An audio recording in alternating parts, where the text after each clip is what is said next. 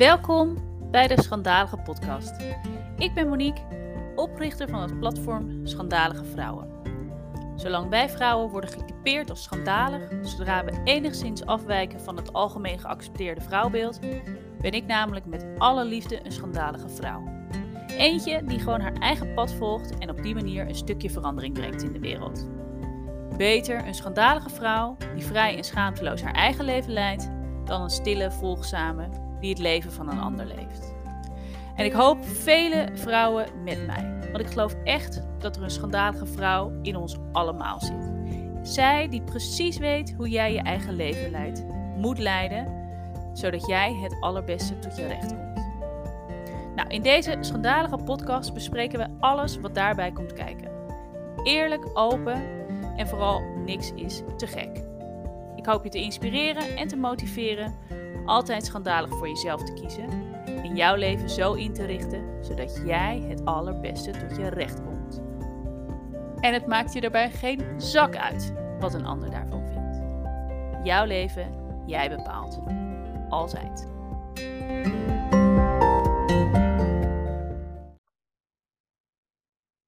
Ja, welkom lieve luisteraars bij weer een nieuwe aflevering van de Schandalige Podcast. En ook vandaag heb ik weer een te gekke gast die ik mag gaan interviewen. En dat is Ellen. En uh, nou, Ellen, welkom. Dank je. Ja, hartstikke goed. En voordat we gaan vertellen nou ja, waar wij het over gaan hebben, um, Ellen, is misschien goed, um, nou ja, stel je eventjes voor, wie ben je, wat doe je? En dan komen we waarschijnlijk wel direct eigenlijk ook op het, um, op het onderwerp van vandaag. Dus take it away. Uh, dank je. Nou, ik ben uh, Elle Bakker en ik uh, ben moeder. Ik ben 41. Ik heb twee lieve kinderen en een lieve man.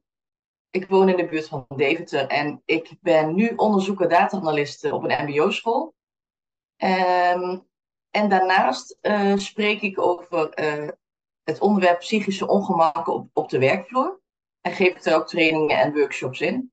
Omdat ik het belangrijk vind dat psychische ongemakken bespreekbaar worden op het werk omdat je dat ook gewoon de hele dag met je meeneemt. En dat je daar, als je wil samenwerken met elkaar, dat je daar uh, uh, met elkaar het beste even over kunt hebben. Zodat je gewoon goed kan samenwerken. Oké, okay, oh mooi. En uh, ja, psychische ongemakken, hoe kom je daar, eh, hoe kom je daar zo bij? Nou, dat heeft natuurlijk eh, met mezelf te maken. Ik heb zelf een, een bipolaire stoornis type 2. Mijn vader heeft een, een bipolaire stoornis type 1. Uh, ik weet nog niet zo lang dat ik zelf een, uh, uh, deze variant heb. En ik was natuurlijk, nou ja, niet natuurlijk, maar ik was vanuit vroeger heb ik het meegemaakt hoe het is voor iemand met een bipolaire stoornis en hoe dat ook gaat op het werk. Um, dus ik heb dat gezien bij mijn vader en ik was zelf eigenlijk altijd heel erg bang dat ik ook een bipolaire stoornis zou hebben. nou, dat is heel lang door heel veel specialisten tegen mij gezegd dat ik dat niet had. Um, ik had wel uh, depressieve episodes, dus ze dachten meer aan chronische depressiviteit. Maar eigenlijk sinds vorig jaar, dus sinds ik 40 ben, weet ik dat ik uh, bipolaire stoornis type 2 heb. Wat even kort gezegd betekent dat type 1 um, ehm, heb je net als bij type 2 diepe dalen, hoge pieken. Maar bij type 1 heb je ook echt last van psychoses, waanbeelden, hallucinaties en dat soort dingen. En dat is bij type 2 niet. Uh, gelukkig. En bij type 2 heb je gewoon ook uh, depressieve periodes en ja, hypomane periodes, zoals ze dat uh, noemen. En dat betekent dat je dan een beetje hyper, onrustig en vooral heel, dat je jezelf ook echt heel erg tof vindt. Wat heel leuk is, maar voor je omgeving soms wel ingewikkeld. En nou ja, ook voor je werk. Ja, ja oké. Dus eigenlijk, nou ja, wel een heel nou, verleden opgegroeid uh, ermee. En dus voor jezelf eigenlijk nou ja, vorig jaar daarin meer duidelijkheid in gekregen.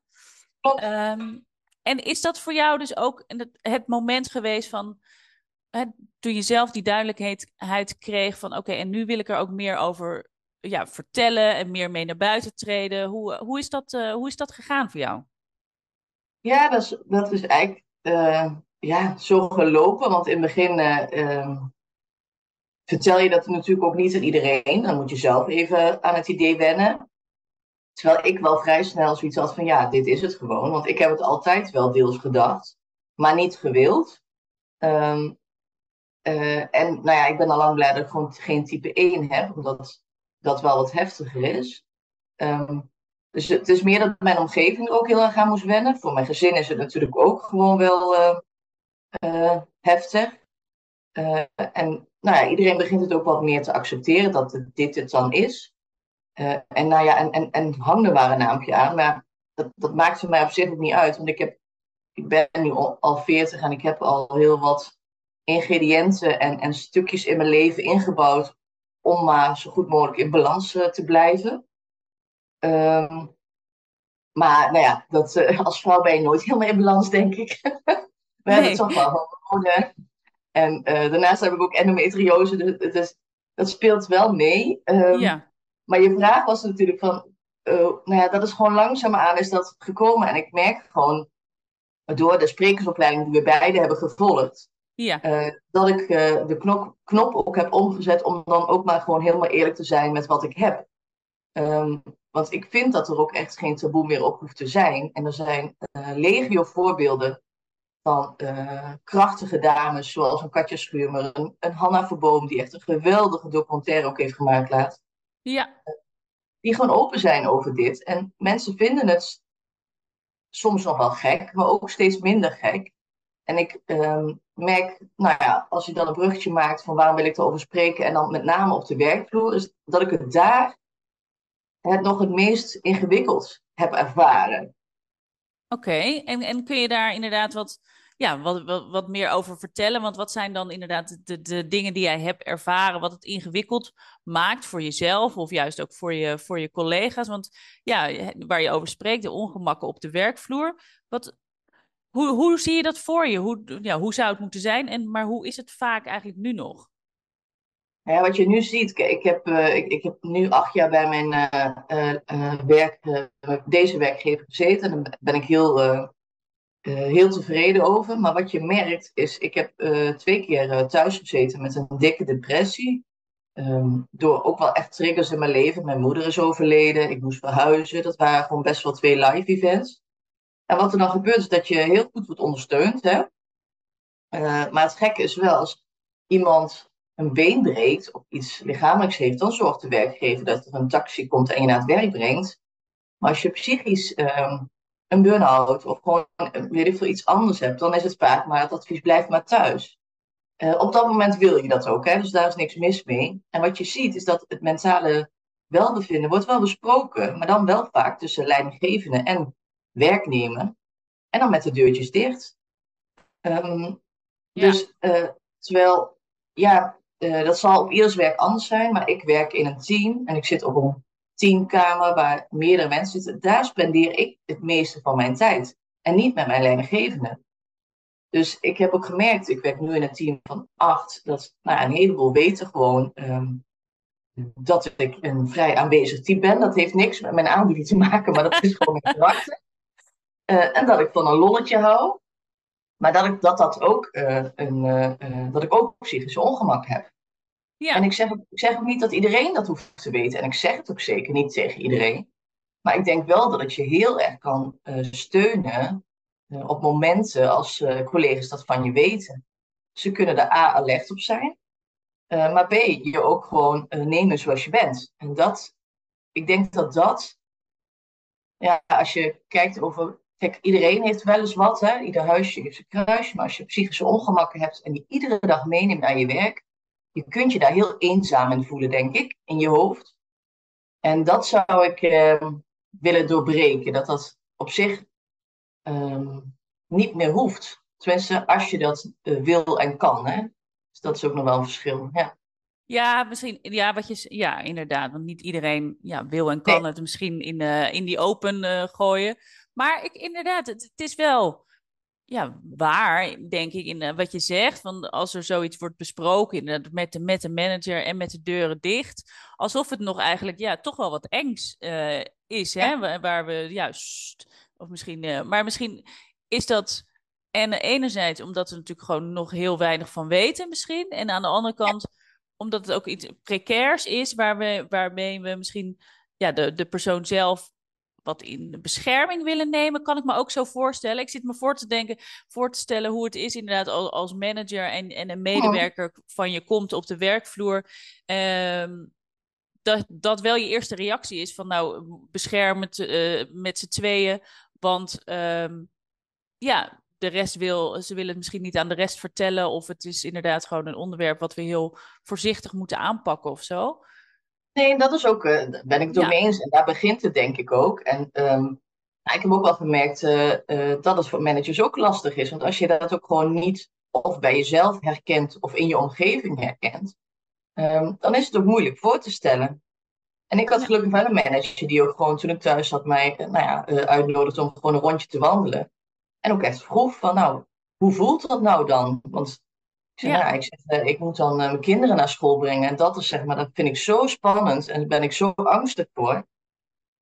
Ja, dat herkende ja. hij helemaal niet in mij. Want nou, de meeste mensen die me kennen, kennen me wel als een vrij uh, uitgesproken en aanwezig en, nou ja, um, bijna grappig persoon misschien wel. Um, dus dat is een heel groot contrast. En, uh, maar hij vroeg daar gewoon naar. En, en, en nou ja, de, dan heb je het gesprek. En ik denk dat dat, uh, nou dat heb ik ook in mijn, uh, dat zeg ik ook in lezingen, van als je oprechte aandacht in iemand hebt, dan, dan komt het vaak al goed. Want ja.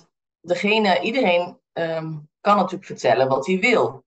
Alleen je moet natuurlijk wel oppassen met mensen met uh, een, uh, een psychische ongemak. En zeker als ze er heel diep in zitten op dat moment. Want dan uh, is de vraag of ze dan nog hele goede keuzes maken voor zichzelf. Ja. Maar ik ben het mee eens hoor. Het, het is voor een werkgever ook gewoon ingewikkeld. En wat je ook hoort, en wat je, ik heb er ook wel boeken over gelezen, is dat sommige psychologen en psychiaters raden ook aan om het niet op je werk te vertellen. Oké, okay. oh ja. En wat is daar dan de achterliggende om, ja, wat is daar dan de achterliggende reden van?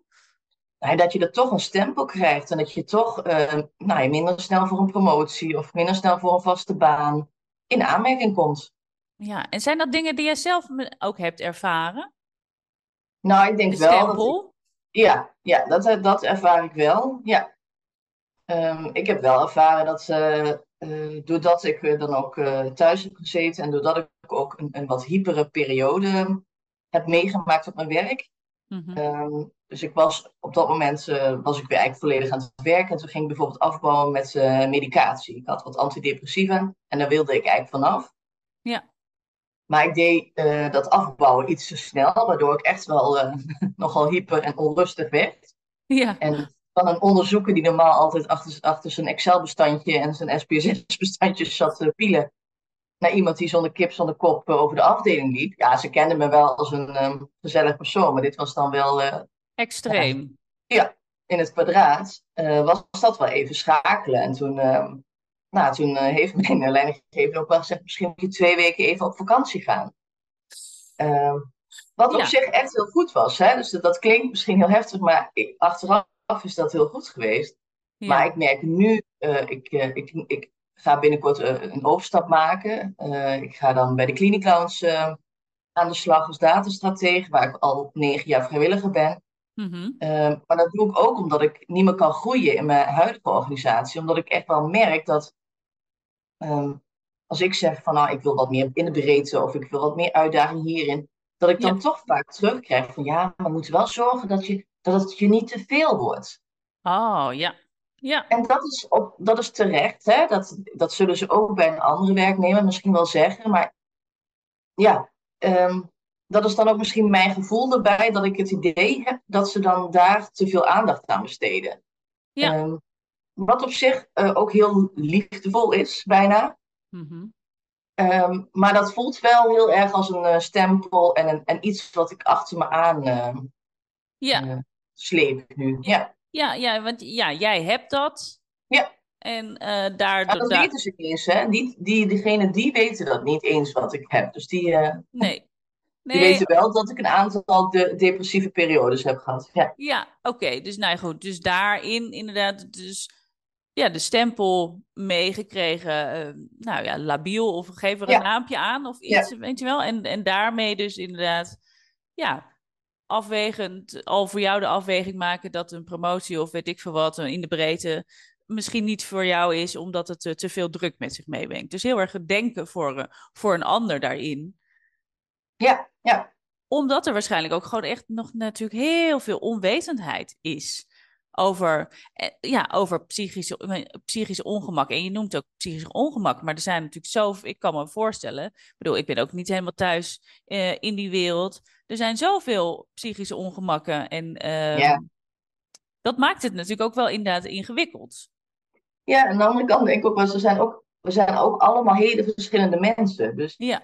Uh, ik praat dan wel eens ook over, kijk, op je werk, als je wil samenwerken, dan, dan um, helpt het als je iemands handleiding een beetje kent. Hè? Ja. Um, uh, kijk, en als iemand met psychische ongemakken, die heeft een handleiding. Ja, een hele starre medewerker die het allemaal op zijn manier wil, die heeft ook een handleiding. Ja. Die heeft misschien geen psychische aandoening, maar um, die, die, heeft ook gewoon uh, zijn dingen. Ja. Dus dat, uh, maar ik ben een beetje eens, Monique. Er zijn echt heel veel psychische stoornissen en, en er zijn er misschien ook wel te veel.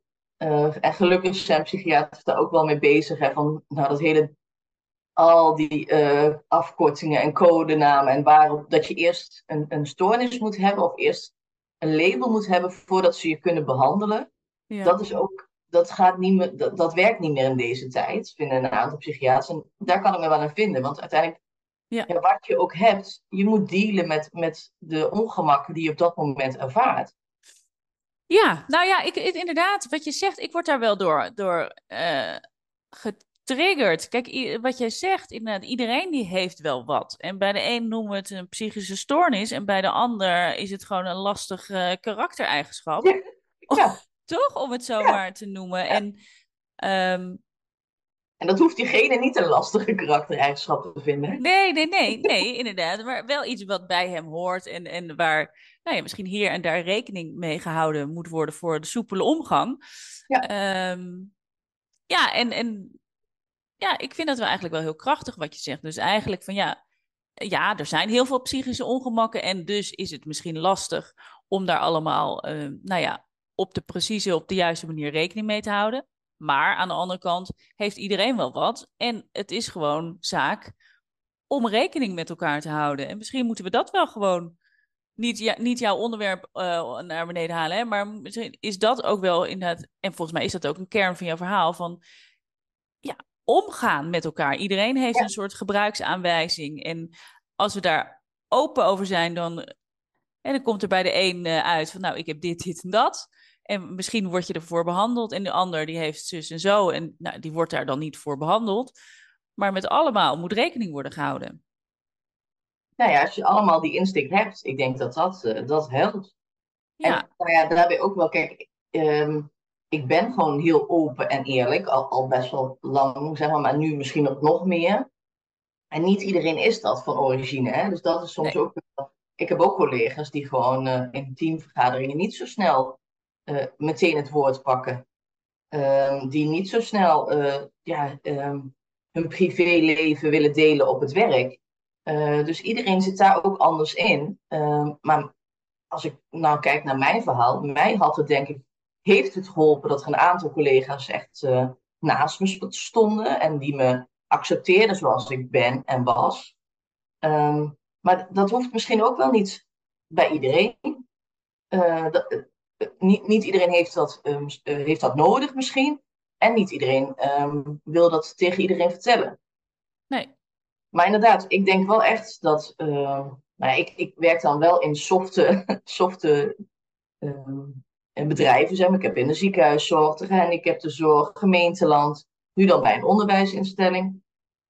Dat zijn wel de wat softere gebieden. Ik weet dat jij heel erg in een grote corporate organisatie hebt, uh, hebt gewerkt. Ik denk dat het daar nog um, anders is. Dat je daar nog meer um, jezelf zakelijk ja. gezien wil manifesteren en vooral geen zwakheden wil laten zien. Nee, nee, dat, ja, dat, dat, ik denk dat je daar, dat je daar gelijk in, in hebt. Um, ja, tegelijkertijd uh, streef ik er ook juist naar, zoals je weet, om, om juist ook, nou ja, wat we dus zwak noemen. Want dat is ja. natuurlijk ook de vraag. Hè? We, we noemen ja. het zwak. Uh, ja. en, en, nou, en bij jou zijn het de psychische ongemak en bij mij zijn het de, de vrouwelijke waarden. Ja, ja. Um, Maar het zijn allemaal onderdelen van ons. En door ze zwak, door, we, noemen ze, we kennen ze niet. Daarom noemen we ze zwak. En daarom ehm, nou ja, mogen ze er niet zijn. En verwaarlozen we dus een heel deel van, uh, van onszelf. Dus daar zit ik wel ook inderdaad een, uh, een overlap. Of een, hoe zeg je dat? Ja, een gelijkenis. inderdaad, ik, ik kwalificeer het als zwak. En eigenlijk is dat al raar. Maar het is natuurlijk ook Um, nou ja, toen, we, toen ik laatst op het podium stond en toen kreeg ik ook wel terug van de kwets, jouw kwetsbaarheid is jouw kracht. Ja. Um, en ik, ja, daar geloof ik ook wel in. Dus als je op je werk over je kwetsbaarheid of over waar jij dan op dat moment last van hebt, of als je dat kenbaar maakt, dan kan iemand er ook pas wat mee doen. Um, als ik kijk naar mezelf, ik was echt een kei in, uh, in masking en, en net doen alsof het allemaal geweldig met me gaat. Ja ik, ik, ik, heb ook een dansachtergrond en een theaterachtergrond. Dus ik weet ook hoe, hoe ik mezelf kan uh, neerzetten. Neerzetten, inderdaad. Maar dat is heel vermoeiend als je dat de hele dag op je werk moet doen. Ja. Um, nou ja, en dat hoor je natuurlijk ook van mensen die, die gewoon in een organisatie zitten waar ze zich gewoon niet zichzelf mogen zijn of niet thuis voelen. Ja, dat, dat hou je gewoon niet lang vol. Het gaat er ook wel om dat je, je ziet natuurlijk ook wel mensen. En dat ligt misschien ook wel aan onze leeftijd. Hè, als je die 40 bent gepasseerd, dat je op een gegeven moment denkt van uh, waar krijg ik energie van en waar, uh, waar niet. En dat je ook wel, als ik in mijn omgeving kijk, heel veel mensen nu denken van nou is dit het werk dan wat ik nog zo lang wil doen? Uh, voel ik me hier thuis? Kan ik me vinden in de waarde van deze organisatie? En nou ja, dat heeft denk ik ook te maken met, nou, passen ze bij mij? voel ik me thuis? Kan ik mezelf zijn? Mag ik helemaal zijn wie ik ben? Uh, en dat, ja, die bewegingen zie ik wel om me heen. Um, ja. En dat, ja, dat heeft ook gewoon mee te maken ja, voor jezelf te kiezen. en dat heb ik ook moeten leren om, om um, nou ja, wat ik zeg, ik heb een bipolaire stoornis, dus het is voor mij belangrijk om, om in balans te blijven. Mm -hmm. maar dat betekent ook dat ik soms, soms nou ja, echt schandalig voor mezelf moet kiezen. Ja. Ook gewoon. In mijn, uh, in, mijn, in mijn karakter zit heel erg van al mijn naasten moeten het goed hebben en dan pas ik. Ja. dat heb ik ook vanuit vroeger meegekregen. Dus dat, maar dat, dat heeft wel wat gekost. Dat heeft wel echt twee jaar gekost om daar echt rigoureuze keuzes voor mezelf in te maken. Dat nou ja, mama kan pas een goede mama zijn als, als ik eerst voor mezelf zorg. Um, en dat, ja, dat, dat, daar geloof ik wel in. Voor mij werkt dat. Ja. Um, en dat is gewoon goede afstemming natuurlijk ook. En nou ja, je, weet het, je, je, kent het ook als je twee kinderen en een man hebt die ook van alles doet. Dan moet je gewoon um, ja, dat inplannen. ja, nee, maar en, dat, ja, dat, dat is ook zo. En, en, en rekening mee houden voor, voor jezelf. En nou, het is wel grappig dat je, dat je dit zegt, want ander podcastgesprek die ik van de week had, ook, daar ging het ook over. Ook eh, jonge, jonge moeders in de tropen, tropenjaren, jonge kinderen. Um, en, en zij maakte de vergelijking, ja, het is niet voor niks dat ze in het vliegtuig ook zeggen, hè, je, je ja. zuurstofmas eerst zelf en dan bij je kinderen. Anders, ja, uh, anders nee, gaat het gewoon mis. Exact, ja. Nee, dat, die uh, vergelijking maak ik ook vaak inderdaad. Ja. En het is natuurlijk nu wel steeds makkelijker voor mij om dat ook te doen. En dat, want inderdaad, die tropenjaren, ik, eh, mijn kinderen zijn 11 en 6. Ja. Um, dus er zit wel tussen. Uh, en dat geeft ook wat lucht in sommige dingen. Maar ja, ze zijn nu ook wel op een leeftijd dat ze, dat ze zichzelf soms even een uurtje alleen kunnen redden. En dat geeft voor mij al heel veel lucht. Dus ik kan nu wel heel stoer zeggen dat ik heel vaak voor mezelf kies. Maar de, om, de omstandigheden worden ook makkelijker voor mij. Ja. Uh, dus het, het, is denk ik voor uh, moeders in de tropenjaren uh, nog belangrijker, maar ook moeilijker. Ja. Ja, want er komt er natuurlijk gewoon heel veel op, je, op je af. En ja. Nee, wat je zegt, voor, voor, voor jou, voor ons, misschien onze, onze leeftijd, wordt dat, wordt dat makkelijker als je kinderen weer wat, wat ouder worden. Ik denk dat het vooral ook te maken heeft met een stukje bewustwording. Dat je weet, zeg maar, hoe het eigenlijk werkt. En um, dat het belangrijk is dat je dus aandacht geeft aan jezelf en jezelf uh, soms op de eerste plek zet. Maar ook, ja, weet je, het komt niet altijd uit, het lukt niet altijd en dat is ook oké. Okay. We hoeven ook ja. niet zo heel erg streng te zijn voor, voor onszelf. Als, je, als we iets minder streng zijn voor onszelf, dat het anders loopt dan hoe het nou zou moeten of zou horen, dat geeft ook al veel, heel veel lucht. Oh, zeker. Ja, dat heb ik ook echt moeten leren. Wat minder veel eisen naar mezelf. Ja. Want ik ben dat ook niet naar een ander, maar naar mezelf. Oh, oh. Dat zullen heel veel mensen herkennen, denk ik. Maar...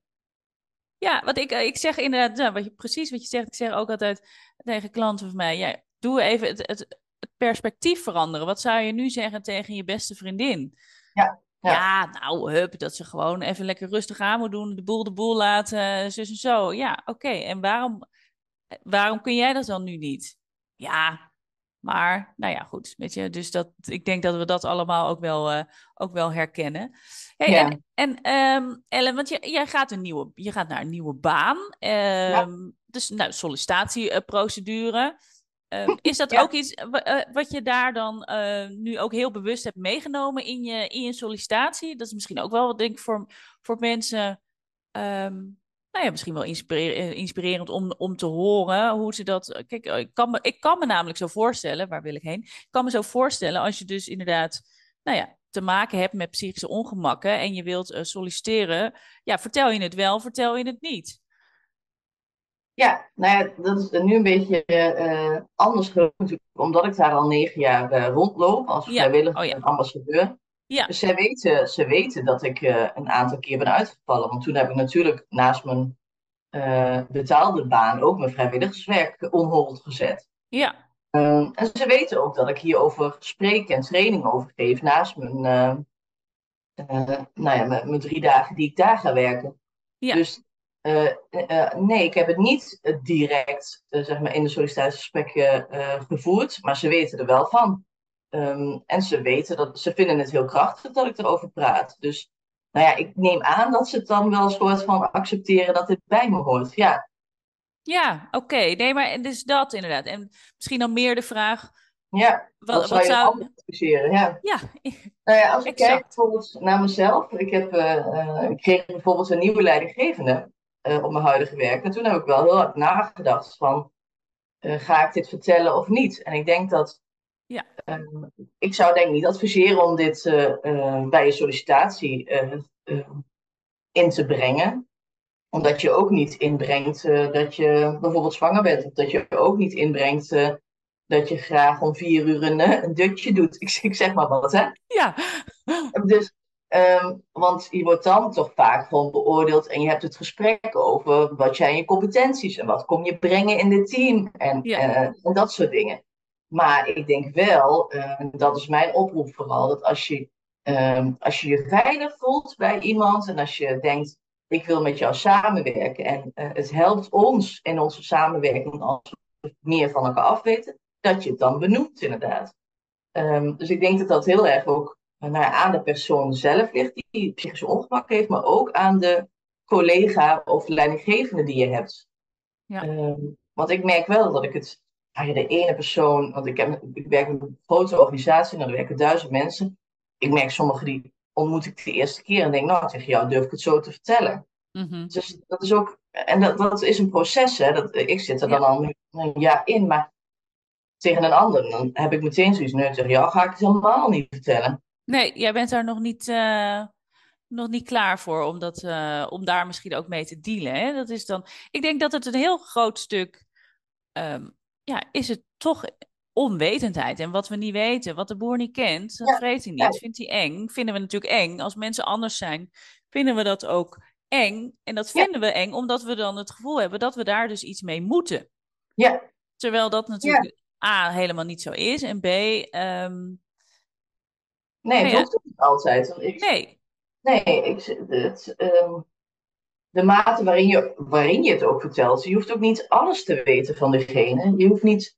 Um, ik ga echt niet mijn hele jeugd en uh, wat ik allemaal uh, uh, heb meegemaakt, ga ik niet vertellen. Nee. Um, het gaat erom als je wil samenwerken met elkaar en als je intensieve samenwerking, als je eens in de week eens een keer wat doet, maar als je wel intensieve samenwerkingen aangaat en bijvoorbeeld in je team, dan helpt het denk ik wel als je weet hoe iemand soms reageert. Maar ja, dat is ook hetzelfde als ik, ik werk met heel veel vrouwen. Dat als iemand uh, ongesteld is, ja. die denkt dat soms ook gewoon, ja jongens, het is, het is uh, de periode, dus uh, ja. soms slek vandaag, want het gaat niet helemaal lekker. Ik ben er, maar ja. beetje halve kracht. Nou, en dat is natuurlijk nou ja, waar ik ook wel ehm, ben ingedoken. Het werkverzuim van mensen met psychische ongemakken, dat, dat is 36 dagen per jaar. Waarvan 21 uh, echt uh, direct verzuim, maar ook 15 indirect. Wat dus betekent, ze zijn wel aanwezig. Maar ja, productief zijn ze dan niet. En nee. natuurlijk, we kunnen niet altijd productief zijn. Um, en ook, an, uh, ook als je ongesteld bent, ben je misschien wat minder productief. Of juist heel productief, omdat je dan een afleiding wilt qua werk. Maar ja. um, dat geeft ook wel aan dat, dat, dat je er aandacht voor moet hebben met elkaar. Ja, ja, exact. Ik kan het niet meer uh, met, je, uh, met je eens zijn. Ik denk dat omdat er we mogen ons realiseren, en daarom is het supergoed natuurlijk wat je doet ook, Ellen, om hier gewoon ook echt over te praten. We mogen ons realiseren dat er, hè, dat, dat er een mens zit achter de werknemer. Ja. En, de, en, Ja. en dat hij dus allerlei uh, nou ja, kanten en dingen met zich meedraagt. Um, en vrouwen inderdaad die uh, ja. ja. een hormoonhuishouding hebben die nogal kan schommelen gedurende een maand. Zeker. En, en, en daar dus ook inderdaad allerlei um, ja, gedragsveranderingen of iets aan uh, aanhangig zijn waar ze niets aan kunnen doen. Um, ja, weet je, dus de, dus de mens achter de werknemer, uh, daar mogen we ons wat meer om, om bekommeren. En nou ja, ik denk dat het heel goed is, want niet alles is ook per definitie eng, omdat je het, uh, omdat je het niet kent. Nee, precies. En dat, ik merk wel dat doordat ik er open op ben en ook gewoon vertel over hoe het voor mij is geweest. En dan, ik stel ook wel eens de vraag, nou, is dit nou zo'n gek verhaal dan? Ja, kijk, je kent het misschien niet. Maar aan de andere kant, hoe gek is het? En um, ja. kijk je nou heel anders tegen me aan? Um, nou, dat, daar weten mensen niet altijd een goed antwoord op hoor. Maar, um, en dat scheelt misschien weer in de leeftijd dat je op een gegeven moment dat ik ook wel denk van, nou ja, dit is het gewoon. En, en dan kijk je me anders tegen me aan, hè? Mm -hmm. Ja, heb je, heb je negatieve ervaringen, zeg maar, eigenlijk gekregen of mensen inderdaad anders uh, tegen je aankijken doordat je zeg, dit hebt gedeeld? Nee, nee, nou, eigenlijk niet. Nee, nee. Okay. Nou ja, dat is nee, wel ja, goed. nee, eigenlijk niet. Maar je weet natuurlijk nooit uh, wat er achter de, uh, nou ja, in de hoofdjes nog gebeurt. Maar nee, er zijn ook heel veel mensen die, ik heb een hele goede vriendinnengroep en dan zeggen, ja, dat dacht ik al lang. Maar ja, dat ga je natuurlijk niet zeggen. Terwijl, nee, ja, ja. het is natuurlijk ook één op één. Als je, mijn, mijn familie heeft gewoon die genen. Dus ik heb het ook ja, mijn oma uh, was, was bipolair, mijn vader was bipolair, nou, de rest van de familie niet. En nou ja, toen uh, wij kinderen wilden, uh, op een gegeven moment hebben mijn man en ik het ook wel uitgezocht van hoe, wat is de kans dat dit, dat dit doorgaat. Maar ja, toen was nog de veronderstelling dat ik het niet had. Dus nou ja, en dat is natuurlijk wel ook ingewikkeld, hè, van ja. het zit wel in de familielijn. ja. ja. Ja. maar, maar, ja, ik denk wel dat, nou ja, in de tijd van mijn vader was er nog veel meer een taboe. Hè, dan, ik wist ook tot mijn twintigste tijd niet wat mijn vader had. Nee, oh ja. Uh, en ook omdat hij gewoon heel goed onder de medicatie zat, waardoor hij gewoon een hele goed functionerende man was, een liefhebbende vader. En, um, maar ja, op een gegeven moment ging de medicatie niet meer goed, waardoor hij echt ontspoorde. En echt, um, ja, we hebben echt wel heel veel psychotische dingen met hem meegemaakt. En hij is ook opgenomen geweest. Maar in die tijd werd er wel gesproken van, ja, die familie heeft het ook. En dan dacht ik altijd, wat is het? Ja. Dus, nou ja, dat is natuurlijk wel heel anders uh, uh, in deze tijd. Maar nog, nou ja, wat jij ook omschrijft, dus onwetendheid en ook gewoon onbekendheid. Um, toch nog bij mensen die er gewoon niet mee te maken hebben gehad. En, en daar is ook niks mis mee, hè? Nee, dat, ook dat, nee, ja. Als je het niet Als weet, dan je weet je niet. aanraking komt, dan is dat alleen maar fijn. Ja, ja, je hoeft het niet uit jezelf allemaal Nee. te gaan opzoeken nu. Nee, Nee. Dat is... Wat als ik een collega tref met, Ja, met uh, psychische ongemakken? Nee, dat, dat, dat, dat, hoeft ook niet. Inderdaad. Is aan de andere kant weten we ook dat 48% ooit uh, een psychische stoornis heeft gehad of, of iets in die trant heeft. Dus het is 48 ja, spelen, hè? Ja, Ja, ik vind het ook. Ik vind het nog steeds echt. uh, ja. Uh, en dan zitten natuurlijk ook heel veel de depressies en de burn-out en de dertigerscrisis, uh, die, die heel veel. nou ja, kijk in mijn vriendenkring. Ik weet niet hoe dat bij jou zit, maar er zijn altijd wel in deze maatschappij mensen die het even, even te veel wordt. Laat ik het even, ja. Ja, ja. Dus, en er gebeuren natuurlijk ook, naarmate je ouder wordt, steeds meer live events. Ouders die overlijden. Nou ja, andere, wij zijn ook onlangs een hele goede vriend van 37 verloren. Dat zijn dingen die, ja, die gebeuren. En daar heb je ook last van. Dus ook dat Ja. soort dingen neem je weer mee naar je werk, hè? Ja, ja. Ja, en we zijn toch ook het grootste deel van ons tijd, zijn we nu ook eenmaal op ons, op ons werk. Dat zijn echt veel uren in een week, ja. Dus, dus ja, beter dan dat je daar ook gewoon toch zoveel mogelijk maar jezelf kunt zijn. Nou, en dat, dat heb ik wel ervaren. Dat ze, als je. eh, ik heb ook wel tijden eh, mezelf, zeg maar, echt opgepept eh, om naar het werk te gaan. Nou, en daarna was ik ook helemaal kapot. Ik kon Ja. alleen maar op de bank liggen. Ehm, maar dat, dat is geen goede balans, zeg maar. Nee, nee, dat, dat is niet iets wat je lang kunt, Nee. kunt volhouden. En zeker met reïntegreren hoort dat erbij. Hè? Dan moet je ook echt weer de balans vinden. Maar nu merk ik dat eh, al een tijdje dat, dat ik weer wat meer eh, mezelf ben en voel. Eh, maar dat ik ook op het werk. ja, ik zit op een afdeling waar iedereen heel stil is. Dat is soms heel ingewikkeld voor mij. Maar ik kan wel steeds meer mezelf zijn, omdat mensen mij ook gewoon wat beter kennen. En Ja. voor mij werkt dat dus. Eh, dat ik dan ook meer mezelf durf te zijn. Ja, nou, ik, ik denk dat dat echt voor iedereen, zeg maar, eh, eh, Ik denk het ook. Ja. werkt en, en zou moeten. Dat, dat is wat, wat je natuurlijk iedereen gunt. Ja, Maar er zijn ook nog steeds wel mensen die vinden privé is privé Ja. en werk is werk. Ja. Terwijl ik denk dat dat heel ingewikkeld is als je die twee werelden.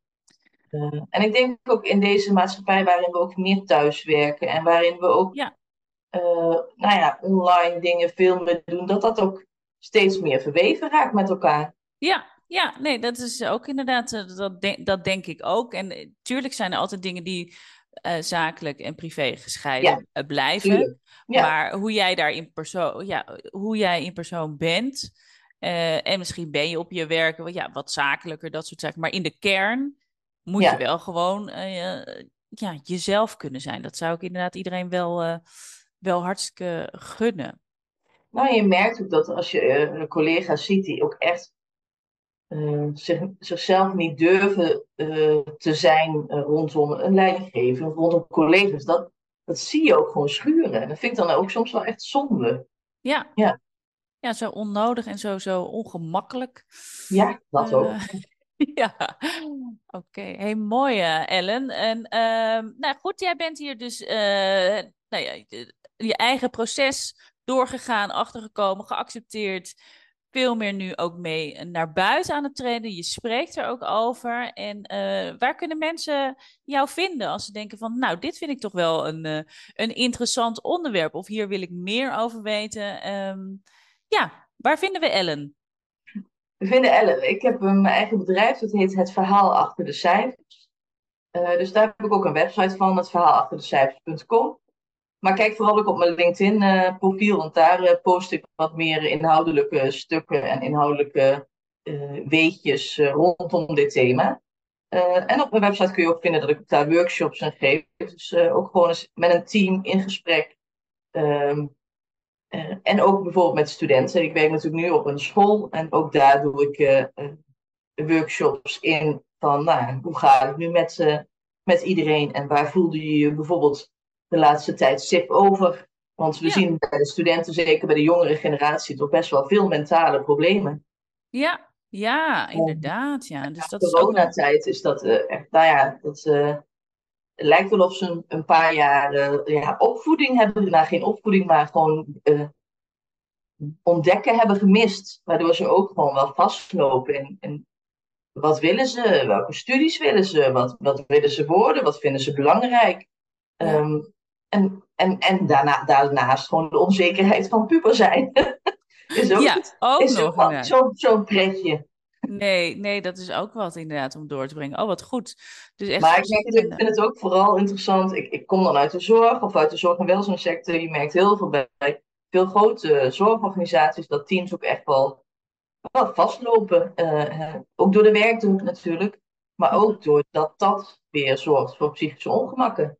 En hoe ga je daar dan als collega's met elkaar mee om?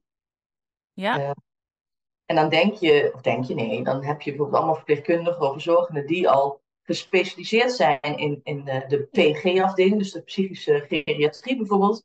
Maar zelf nemen ze zich dan nog niet zo serieus in eh, hoe ga ik om met mijn psychische ongemakken, of hoe ga ik om met de psychische ongemakken van mijn collega. En hoe ja. doen we dat met elkaar? Ja, Ja, want dan is het natuurlijk net weer even anders dan, dan dat het echt is voor, je- voor je werk. En dan heb je er eigenlijk zelf als persoon weer mee te maken.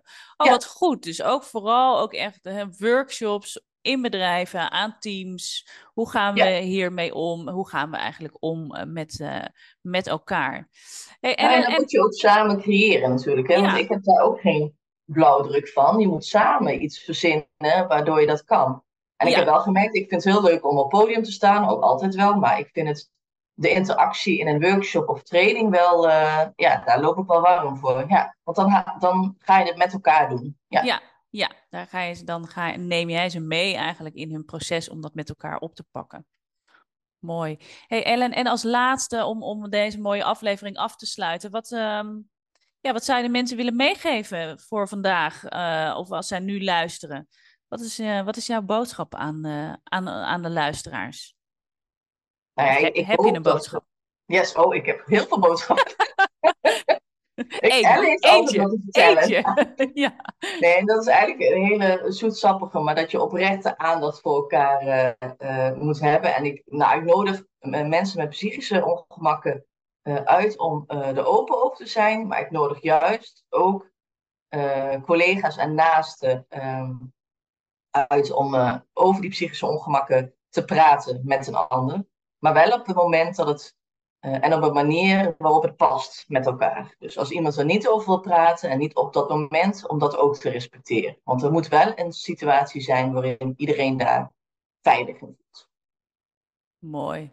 Dankjewel, eh Ellen, voor, voor jouw gesprek, voor jouw informatie, voor jouw, eh, nou ja, kennis en kunde over, eh, over dit boeiende onderwerp. En dat we inderdaad maar met elkaar wat meer ja, naar elkaar mogen omkijken. En eh, wie is nou eigenlijk inderdaad die mens achter de, achter de werknemer en hoe gaan we met elkaar om? Dankjewel voor, eh voor dit gesprek. Jij ook.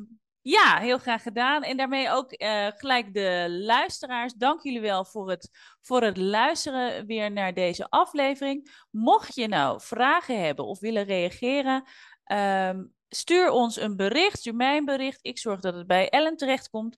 Ik zal ook onder deze podcast nog even vermelden waar je Ellen eh, kan vinden, mocht je daar geïnteresseerd in zijn. En dan zou ik nu voor nu zeggen, inderdaad, pas goed op jezelf, pas goed op elkaar en eh, tot de volgende aflevering. Dankjewel.